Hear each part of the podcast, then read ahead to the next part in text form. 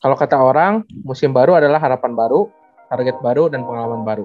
Selamat datang tahun 2022, selamat datang IBL 2022, dan selamat datang kembali Abastok Indonesia.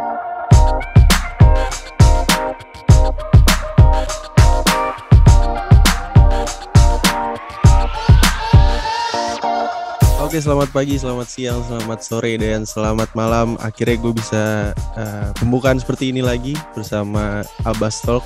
Di ini sebetulnya bukan season baru sih, ngelanjutin season yang lama ya. Bisa ya. dibilang comeback season gak sih, Bu? Comeback season lah, soalnya kemarin kita ada kesibukan masing-masing ya, Cen ya. Iya, begitulah pokoknya. Kita kebetulan memang tidak mengambil dari uh, mengambil apa mengambil duit dari sini jadi ya kita ada kesibukan lain lah ya makanya iya. itu ya kan tapi ya di, kita kita coba untuk ini, konsisten lah ya iya di dunia di dunia ini kan perlu cuan Cen. apa tuh perlu cuan cuan. Cuan oh perlu cuan iya, iya, iya. kan? Lu karena agak cadil jadi gue agak agak kurang denger R-nya tuh. Eh L-nya tuh. Suwe anjing. Iya iya iya. Ini hari ini uh, setelah kemarin uh, udah udah diundang beberapa owner-owner beberapa pemain-pemain di uh, bisa itu apa sih po bisa dibilang apa ya? Opener ya? Atau atau uh, launching sih kalau menurut gua launching launching ya iya launching launching, ya IBL, tapi bukan launching FX. bukan launching logo baru doang ya ini ya ini tuh launching bersama sponsor ya sekalian kayaknya sekalian sekalian ya uh -uh. Iya, bener -bener. Ya. Uh, ini sepertinya uh, kalau kita lihat di IBL Instagram IBL juga udah udah muncul dibagi beberapa divisi ya. Ada dua divisi Benar. dengan uh, roster pemainnya juga udah keluar, terus hmm. Rookie nama-nama rookie udah keluar, udah lama keluar, terus nama-nama pemain asingnya udah keluar. Ini uh, enaknya kita bahas dari mana dulu nih? Ya, tapi sebelum itu Chan, ini kita uh, ngomong-ngomong udah setahun nih Chen ya. Tahun lalu juga kita bahas IBL juga soalnya nih di awal tahun. Udah setahun nih? Udah setahun, tapi tahun lalu kan kita masih ngobrolin uh, ya masih tetek bengeknya banyak lah. Tapi tetap bahas IBL juga kan. Kita ini udah setahun pas. Iya sih, benar. Iya iya. Eh yang PON kita nggak sempet ya? PON nggak sempet. Itu kan lagi oh, iya bener, lagi hektik-hektiknya justru. Kita. Oh iya benar-benar lu. Iya benar-benar benar benar. Nggak sempet nggak iya, sempet. Nggak sempet. Ya udah cukup lama ya nggak cukup udah cukup lama empat bulan kita off jadi sekarang kita comeback dan masuk ke topik yang tadi dulu bilang uh, kita Tuh. juga uh, udah akan bahas sih akan bahas sebenarnya uh, prediksi sama ulasan lah Chen ya dari dua divisi yang dibagi sama IBL seperti biasa tapi hmm. uh, yang barunya dari IBL tahun ini adalah menambah atau bertambahnya empat tim baru Chen betul sekali mm -hmm.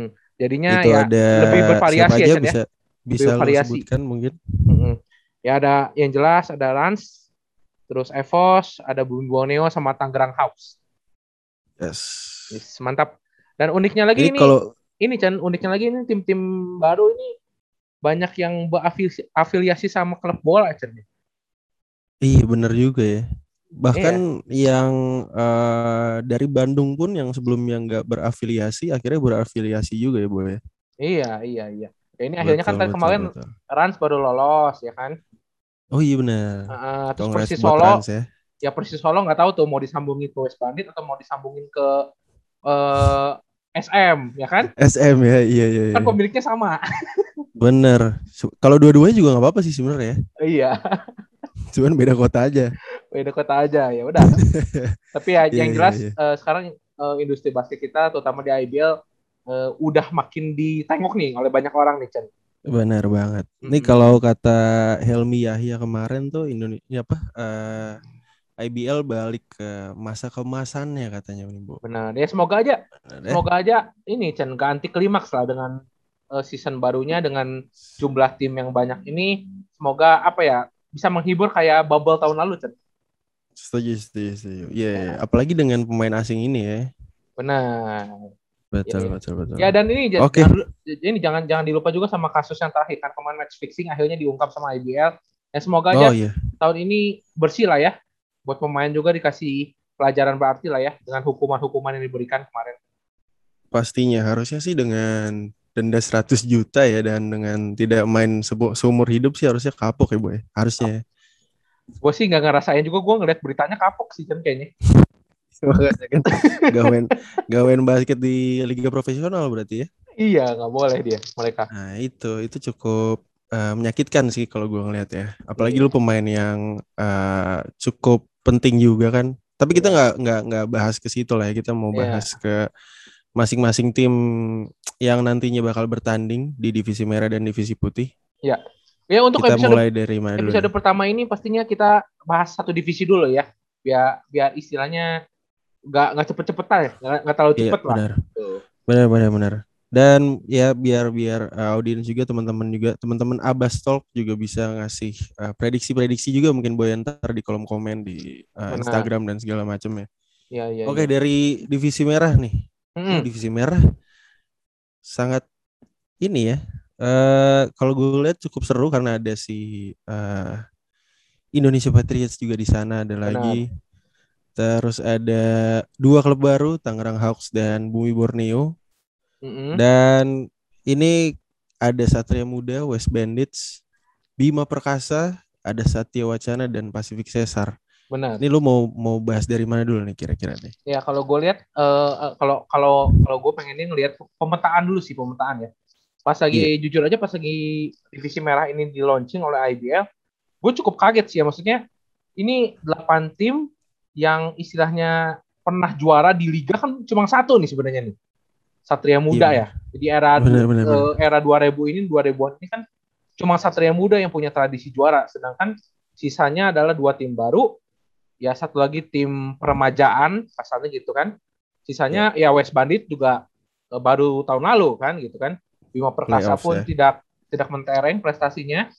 Terus Satya Wacana boleh dibilang uh, belum bisa compete di playoff uh, tahun-tahun sebelumnya dan Pasifik juga yang tahun lalu uh, sebenarnya boleh dikatakan ancur lebur ya Chen ya kalau bisa dibilang yeah, ya yeah, yeah, tahun yeah, lalu. Yeah. Nah ini cukup menarik sih menurut gue pemetaan uh, divisi merah ini walaupun kalau misalnya di atas kertas sih menurut gue Satria Muda ya uh, ya udah pastilah satu tempat ya Chen ya kalau mm-hmm. kasarnya begitu ya soalnya kalau di atas kertas ya dan yeah. ya itulah kembali lagi kita lihat ini divisi yang boleh dibilang agak susah diprediksi kalau menurut gue untuk siapa pun sih menurut gue ya yang yang bakal betul, betul, betul. nonton pertandingannya karena ini sangat ini sih menurut gue sangat sangat unpredictable sih kecuali menurut gue yang bisa uh, menyaingi Satria Muda di papan atas sih menurut gue hanya West Bandit sih ya sisanya bakal mm -hmm. ikut sih gitu sih yeah, ini yeah, yeah, yeah. awal sih awal awal mula gue ngelihat divisi merah ya waktu di launching mm -hmm. kalau lu ngeliatnya gimana waktu awal launching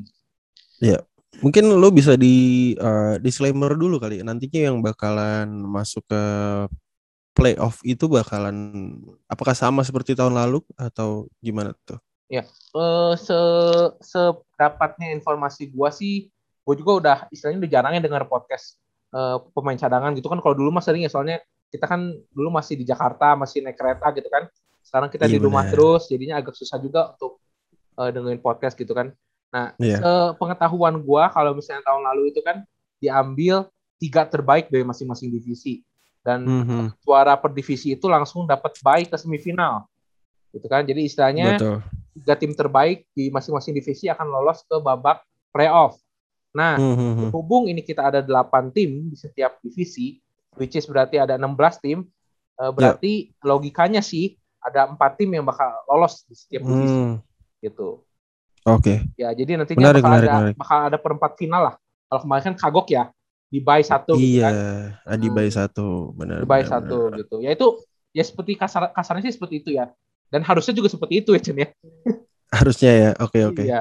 Oke, ini kita gambaran dengan empat tim yang bakal lolos. Kalau menurut gue sih uh, ini seru sih karena uh, kita belum tahu uh, kita sama sekali maksudnya masih mungkin beberapa pemain asing yang udah pernah kita lihat di main di Indonesia kita udah udah udah bisa tahu gambaran cara mainnya dan uh, pemain asing seperti yang uh, SM dan PJ uh, ambil itu juga pun udah udah udah maksudnya udah cukup lama lah ya bisa dibilang cukup lama bermain di Indonesia ya. juga dia udah tahu culture-nya dia udah tahu beberapa pemainnya yang ada di situ juga jadi ya uh, mungkin gue sama seperti Abu uh, di divisi merah untuk divisi merah uh, secara di atas kertas Satria Muda memang sangat diunggulkan untuk uh, lolos ke babak selanjutnya ke babak playoff.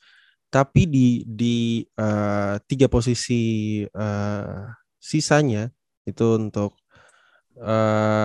tim-tim uh, lainnya seperti tim-tim underdog ini kalau menurut gue bisa bisa mengejutkan mengejutkan sih bu karena ya. uh, kalau gue lihat Tangerang Hawks tuh punya uh, pemain asing yang uh, dia berada di kalau nggak salah sih di round di first round tuh dia di nomor satu atau dua ya kalau nggak salah ya. Iya iya nomor si satu Hawks dia. Tuh. Hawks nomor satu. Nomor satu kan Hawks nomor satu ya. kalau nggak salah ya. Bumi Borneo nomor berapa berarti? Borneo tuh keempat dari tim baru tuh dia keempat berarti tim 16 7 16 eh 15 14 3 12 seperti. Ya, ya, ya. Hmm. Ya. Kalau gue kalau melihat dari uh, pemain-pemain dari si asing ini harusnya sih uh, tim-tim baru ini dua tim baru lah ya. Ini gue hmm. gua agak general aja. Dua tim baru ini harusnya sih bisa uh, sedikit mengejutkan tim-tim besarnya dengan yeah. uh, pemain asingnya. Tinggal pemain dari lokalnya yang nih yang yang yang harus uh, siap membantu pemain asing dari dua tim baru ini dari Tangerang Hawks dan Bumi Borneo supaya ya seenggaknya bisa uh, mendapatkan tempat di eh, di sisa tiga slot itu tuh. Dan Benar. ya gua harap sih harusnya sih anti klimaks ya. Harusnya sih uh, ada ada sedikit apa uh, seperti tahun kemarin lah seperti Prawira Bandung dan Bali United yang cukup kontroversi sebenarnya tapi ya sudahlah itu musim yang lalu tapi ya, ya. gue harap ada ada uh, itulah ada ada cukup sengit lah di divisi merah ini. Apalagi ada Satya Wacana dan Pacific Caesar dan Indonesia Patriots. Ini berarti Indonesia Patriots uh, ini gue disclaimer lagi nih. Berarti Indonesia Patriots sama, sama seperti musim lalu ya. Harusnya enggak bakal enggak. playoff ya. Iya. Oke, oke. Iya. Oke, berarti harusnya uh, tidak lolos. Ya, oke. Okay. Uh, berarti si Satya Wacana dan Pacific Caesar kalau kita lihat dari komposisi pemainnya Satya Wacana banyak ditinggal dengan beberapa pemain yang cukup penting kalau menurut gue ya di Benar. di, uh -huh. di dalam pemain lokalnya. Dan tapi ya semoga uh, sisa dari pemain lokal dari Satya Wacana seperti Franklin dan kawan-kawannya dan Hengki itu bisa step up jadi uh, mereka bisa mengejutkan juga di ya. divisi merah ini dan Pacific Caesar gue harap juga sama seperti Satya Wacana mereka punya pemain asing juga yang harusnya punya impact besar ke timnya sih. Iya iya iya. Gitu sih. Kalau ya. kalau dari divisi merah gue uh, overall sih seperti itu. Cuman ya gue sih sangat menyayangkan ya sebenarnya harusnya uh, seenggaknya si Indonesia Patriots bisa punya apa ya punya uh, jenjang yang lebih lah dengan mereka mm masuk playoff. Mungkin uh, mungkin mereka bisa bisa lebih uh, dapat pengalaman yang lebih mungkin ya dengan yeah. dengan apa uh, jadwal pertandingan yang lebih banyak dan lain-lainnya lah. Tapi gue nggak tahu kalau lo kalau menurut lo gimana ya, ya kalau kalau gue uh, nyambung sama pernyataan gue di awal ya tadi ya sempat gue singgung juga kalau satu yang muda emang di atas kertas uh, dengan mengambil Elijah Foster sama William Tinsley mereka nggak mau gambling sih kalau menurut gue ya. Makanya gue yes. sangat menjagokan satu yang muda untuk walaupun too early tapi ya e, menjagokan langsung jadi peringkat pertama gitu di divisi ini karena e, kalau gue lihat dari tim manajemen ya mereka nggak mau ngambil resiko dengan ngambil pemain asing yang baru gitu. Dengan walaupun walaupun William Tinsley baru setahun di e, Prawira tahun lalu gitu. Tapi kan setidaknya e, mereka kan eh si si Tinsley kan ini udah pernah bermain juga ngelawan Satria Muda gitu. Yep. Satria Muda tidak banyak berubah, komposisi timnya hanya menambah Anthony Erga aja, which is tidak berubah apa-apa gitu di tim mm -hmm. itu. Uh, kan Wisnu Wisnunya pindah ke Borneo gitu. Jadi uh, secara squad tidak banyak berubah. Jadinya menurut yeah. gue Satria Muda uh, cukup nyaman lah dengan uh, skema yang uh, menurut gue cukup sama juga nantinya gitu mainnya. Karena Coach Yobel juga sebelum Coach Milos kan Coach Yobel juga gitu. Jadinya iya benar. Jadinya nggak akan jauh beda juga bermainnya. Makanya iya, iya, iya. Uh, secara ke peta kekuatan ya satu yang muda cukup diunggulkan di divisi ini. Terus West Bandit dengan datangnya Respati Ragil, terus nah, uh, ya comebacknya Muhammad Saroni dan pick ya. pemain yang cukup oke okay juga Michael Kolawole kan. Ya mereka yeah, tidak ngambil sama juga sama satu yang muda nggak mau ngambil resiko lah. Itu menurut gue salah satu kekuatan tim-tim kayak West Bandit sama Satria Muda sih.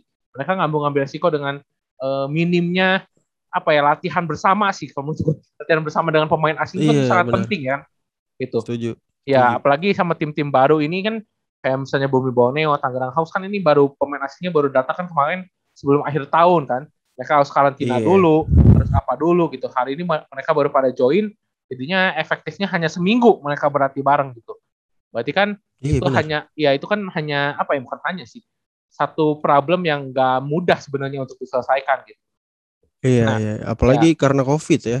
Maksudnya Bener, takutnya ya. ada ada pemain asing yang mungkin ada pemain yang asing yang jadi tertunda main di, liga luar, jadinya dia nggak main liga sama sekali.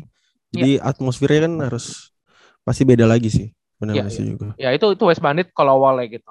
Uh, sekarang kita lihat uh, Bima Perkasa juga kalau kita lihat ngambilnya pemain yang sama juga David Atkinson, nah, which is uh, dia udah main juga di uh, IBL gitu. Jadi kelihatan lah tim-tim yeah. yang kasarnya sudah berpengalaman di liga ini ya mereka nggak mau nggak mau ngambil resiko gitu dengan uh, manajemennya gitu apalagi hmm. ya kalau kita lihat kemarin kan list pemain asingnya kan banyak banget kan kalau bisa dibilang kalau kita iya. scouting satu-satu pusing juga Chen pemain baru kan iya benar, ya apalagi namanya Betul. namanya highlights kan kita nggak tahu ya itu kan diambilnya yang paling bagusnya aja biasanya iya, highlights kan belum tentu main bareng dia oke okay gitu kan apalagi okay. dengan tim baru iya apalagi uh, apa dengan dengan tambahnya tim baru kan mereka kan otomatis kan pesaingnya makin banyak jadinya ya resikonya makin gede kalau dia ngambil gambling pemain asing benar gak sih? Setuju setuju. Iya. Setuju banget sih gue. Itu ya dia. itu ya itu tiga tim yang menurut gue di divisi merah punya kekuatan tersendiri ya karena dari yeah. segi manajemennya nggak mau ngambil resiko terlalu gede dan ya itu masalah karantina juga jadi problem tersendiri buat uh, eh, IBL tahun ini gitu. Iya, iya, iya. Dan sisanya kalau... ini, sisanya gua lanjutin dulu ya bentar. Iya, iya. Sisanya ada empat tim kayak Hawks, Borneo, Satya Wacana, Pacific Jasa. Menurut gua empat tim ini berpeluang sangat berpeluang untuk merebus satu tiket lagi nih. Senggol-senggolan nih. Yeah, yeah, yeah. Mereka berempat nih. Kalau kalau kita eh, apa ya, secara di atas kertas pun kita nggak bisa menganggap remeh Borneo sama Hawks ya. Walaupun mm -hmm. eh, walaupun mereka dua tim baru, tapi kalau kita lihat eh, Pasifik yang kena musibah tahun ini dengan dihilang hmm. hilangnya beberapa pemain kunci kayak Gabriel Senduk kan hilang tuh.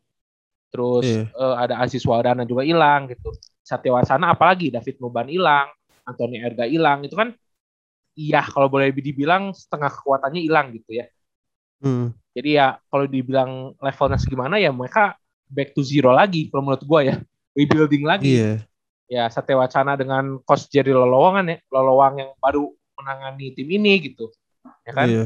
Pasifik juga kalau bisa dibilang eh, nggak uh, tahu nih coach coach Aris masih gak di Pasifik atau gimana nih kalau misalnya coach baru lagi wah makin makin menurutku makin kacau lagi bukan kacau ya maksudnya persiapannya akan akan lebih sulit sih gitu untuk Pasifik yeah, gitu. Yeah, yeah. Ya yes. kita lihat juga kan di Borneo sama di Hawks kan mereka nggak main-main juga Chen.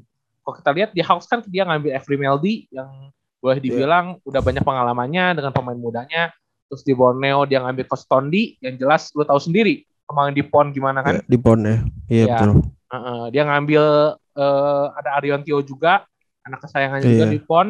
Dia main di Borneo jadinya ya empat tim ini kita bisa lihat lah nanti gimana sepak terjangnya di divisi merah lah.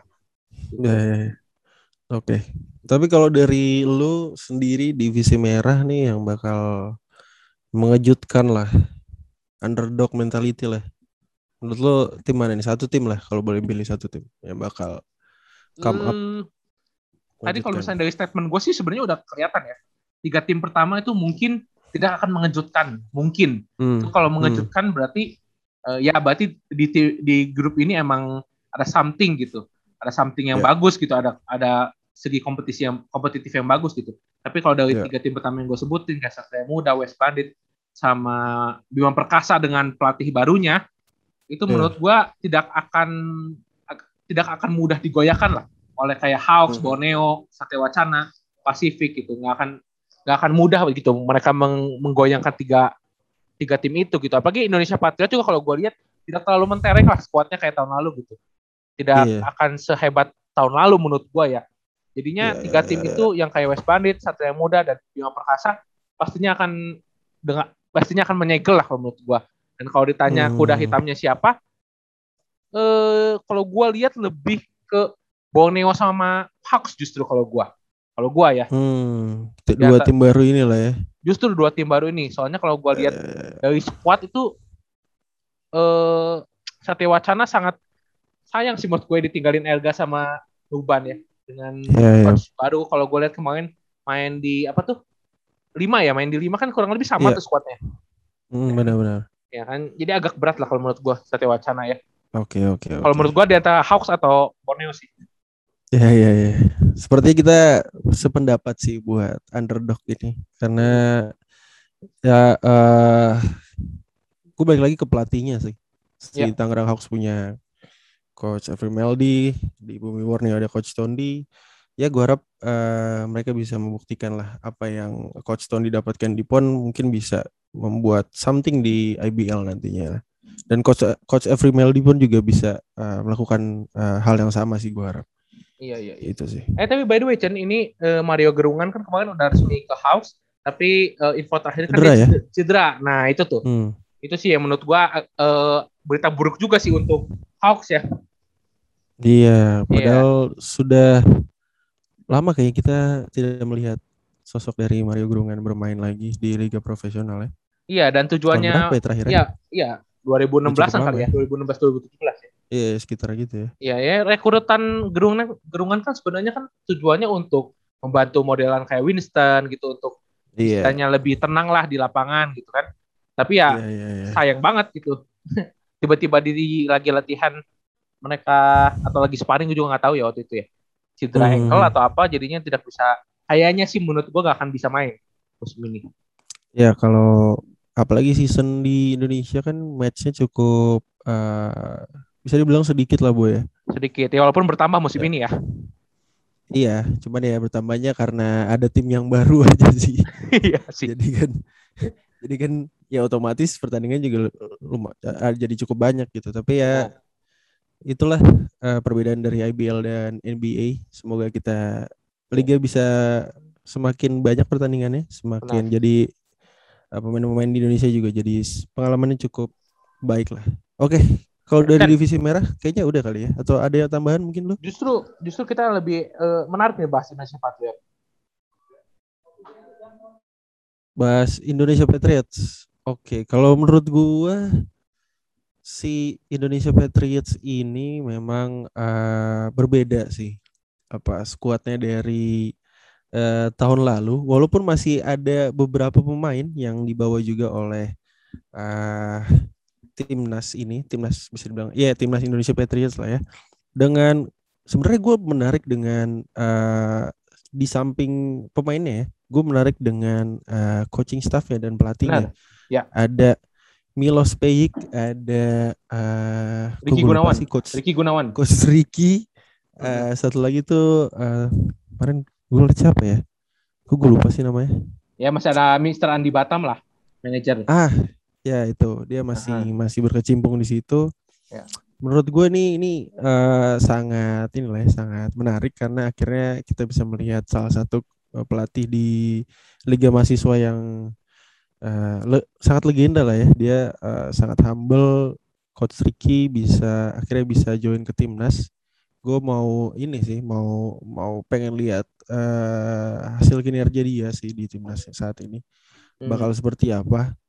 Tapi ya Coach Milos juga perlu diapresiasi juga nantinya bakal seperti apa kita lihat seperti apa. Tapi uh, di samping itu pemainnya kalau gue lihat sih uh, memang uh, perlu ini sih perlu perlu perlu jam terbang yang tinggi makanya mereka uh, si kompetisi di IBL ini dengan uh, komposisi guard yang cukup banyak komposisi centernya juga uh, compact tapi kalau gue lihat sih di sini lebih banyak ke shooting guard ada lima ada empat sorry ada empat shooting guard dengan point guardnya juga ada tiga. Uh, semoga rotasi dari pemain-pemain guardnya ini uh, bisa oke, okay, bisa bagus juga di di di dalam sistemnya si Coach Ricky dan Coach Milos. Dan jadinya nantinya uh, mereka juga punya pengalaman, mereka juga punya jam terbang yang tinggi buat uh, timnas-timnas muda ini. Dan uh, sepertinya ini kaptennya Ali Bagir ya, Bu, kalau nggak salah ya. Benar nggak sih? Kalau nggak Ali Bagir mungkin ya paling Aldi ya, soalnya kan dua oh, iya, dua, iya. dua pemain ini kan yang alumni kemarin ya, sama si Dame sama si Modo, si Kane kan. Oh sama Davidson, iya, iya. ada Mario, Mario, ada Mario. Oh iya ada Mario, ada Mario. Hmm. Ya, ya ini mungkin gua, iya kaptennya. Gue gue pikir sih uh, dengan pemilihan kapten Ali Bagir juga uh, cukup oke okay lah karena dia di musim lalu bersama Indonesia Patriots juga punya impact lah bu uh, bisa dibilang dia iya. dengan dengan uh, tinggi seperti itu bisa nembak bisa dribble bisa dang juga bisa defense yang oke okay. dan uh, di sini juga ada Aldi Zatur yang gue uh, gue harap bisa step up juga bisa lebih dari uh, season yang sebelumnya ditinggal dengan kedua temannya dua sahabat dua sahabat uh, di UPH-nya ada Yesaya dan Arigi. Gue harap dia bisa menunjukkan kalau uh, dia berbeda dengan yang lainnya. Dan di sini ada uh, dua naturalisasi ada si Dem dan Kane. Kalau menurut gue uh, sebenarnya kalau Dem sih dari sisi lalu udah terlihat uh, nonjol ya nonjol ya. Ya, yeah. yang satu lagi nih si Kane ini yang gue harapkan bisa uh, menjadi apa ya tembok menjadi center yang kokoh lah ya buat si Indonesian Patriots. Yeah, yeah. Tapi di samping itu juga ternyata ada uh, yang pernah kita wawancara nih bu di Abastok nih di pemain dari pemain yang pernah main di Taiwan ya. Si, ya Renard. Renard juga Renard sama Julius eh, Julian Julian sama ya. Julius Julian juga dipanggil uh, timnas ke timnas muda Indonesia. Yeah. Kita pasti senang lah ya. Semoga mereka bisa punya impact yang oke okay juga di timnasnya nantinya. Yeah.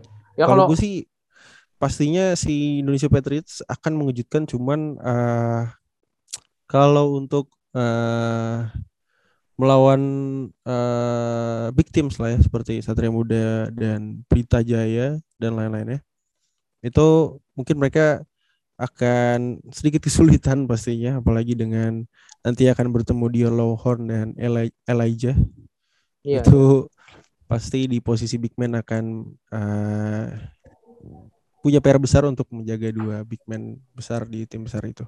Kalau menurut ya. lu gimana buat si Indonesia Patriots? Ya, kalau menurut gue ya itu uh, udah disinggung juga sama lu kalau misalnya tahun lalu kan Indonesia Patriots tanpa pemain asing ya. Kalau kata asalnya gitu lawan-lawannya tanpa pemain asing gitu.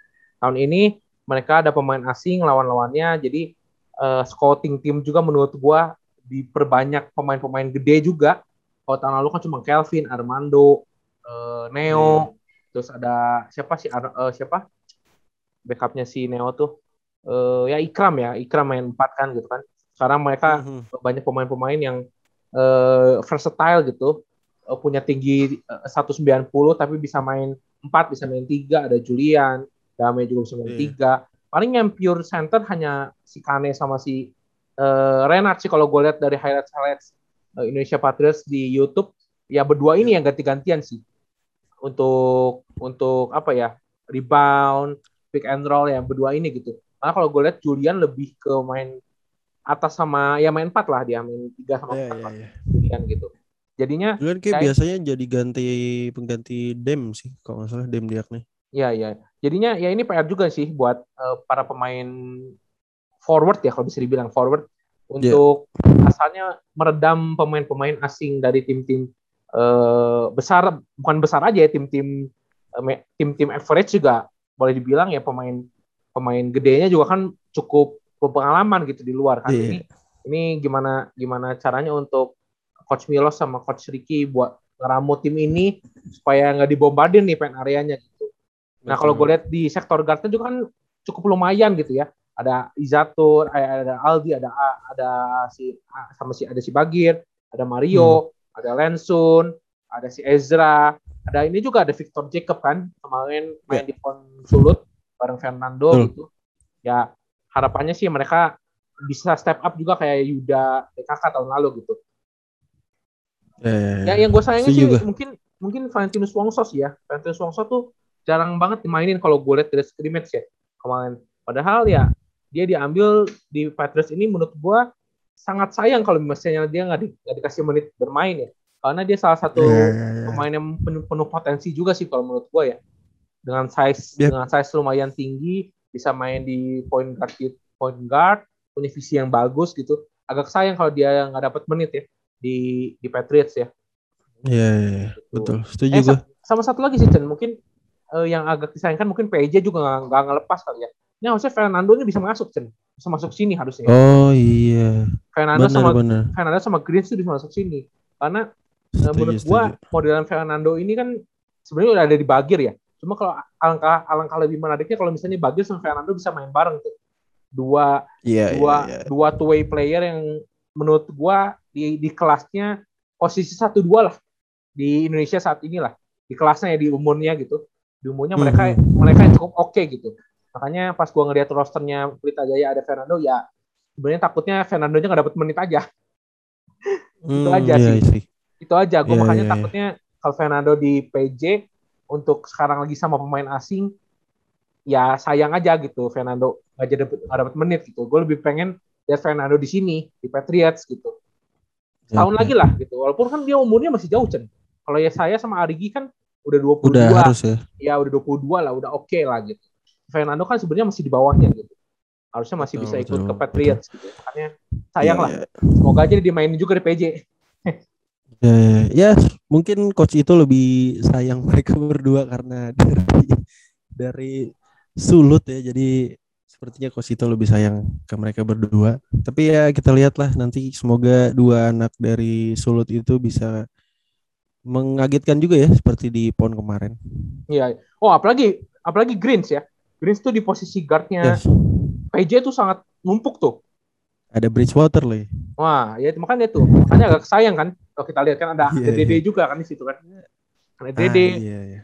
Ya saya masih ada masih ada Prastawa juga, masih ada Govin, masih ada yes. banyak lah gitu. Jadinya sebenarnya agak too much ya. Squadnya PJ itu kan banyak yang bagus gitu. Sayang dilepas. Mm -hmm gitu. Ya mungkin mungkin ya, strategi dari coach itu juga mungkin. atau gimana, tapi ya mungkin karena mereka udah punya uh, kesempatan bermain yang cukup banyak ya Bu di dari di pon kemarin terus dia main 5. Mungkin di IBL ini coach itu memberikan saran untuk lu belajar dulu di IBL kali ya. Mungkin ya. Mungkin mungkin. Jadi ya, si coach itu menahan di uh, PJ untuk untuk mereka berdua bermain di PJ gitu. Iya, ya, iya. semoga uh, masa depan timnas Indonesia Patriots juga uh, bagus lah ya Bu dengan ya. uh, adanya program Indonesia Patriots ini. Kita berdoa bersama-sama supaya lebih maju lagi pastinya. Ya. Ya next episode nanti mungkin kita bakal bahas di divisi putih ya. Ini kita tag-nya di hari Jumat ke Sabtu, kita bakal naikin hari Minggu berarti ya. Yang divisi merah ya Chen ya. Yoi, betul sekali. Ya, nanti divisi putih hari apa? Rabu berarti ya Chen ya? kita ya. Hari Rabu. Hari Rabu tapi Kalau, kita hari uh, ini. Kita tidak berhalangan. tapi diusahain lah on time lah ya. Soalnya ini buat ya buat pendengar baru kan nggak tahu kita yeah. berdua ya kan. Kalau yang kemarin-kemarin yeah. mungkin udah tahu gitu kan. Iya. Yeah. Dulu dulu tuh kita set, apa dua hari sekali Chan. iya bener bener itu lebih lebih ke butuh kerjaan sampingan nggak dapat kerjaan sampingan jadi kita melakukan podcast gitu ya udah next episode divisi putih kita akan yes tag hari ini juga ya sampai ketemu di episode selanjutnya oke okay. bye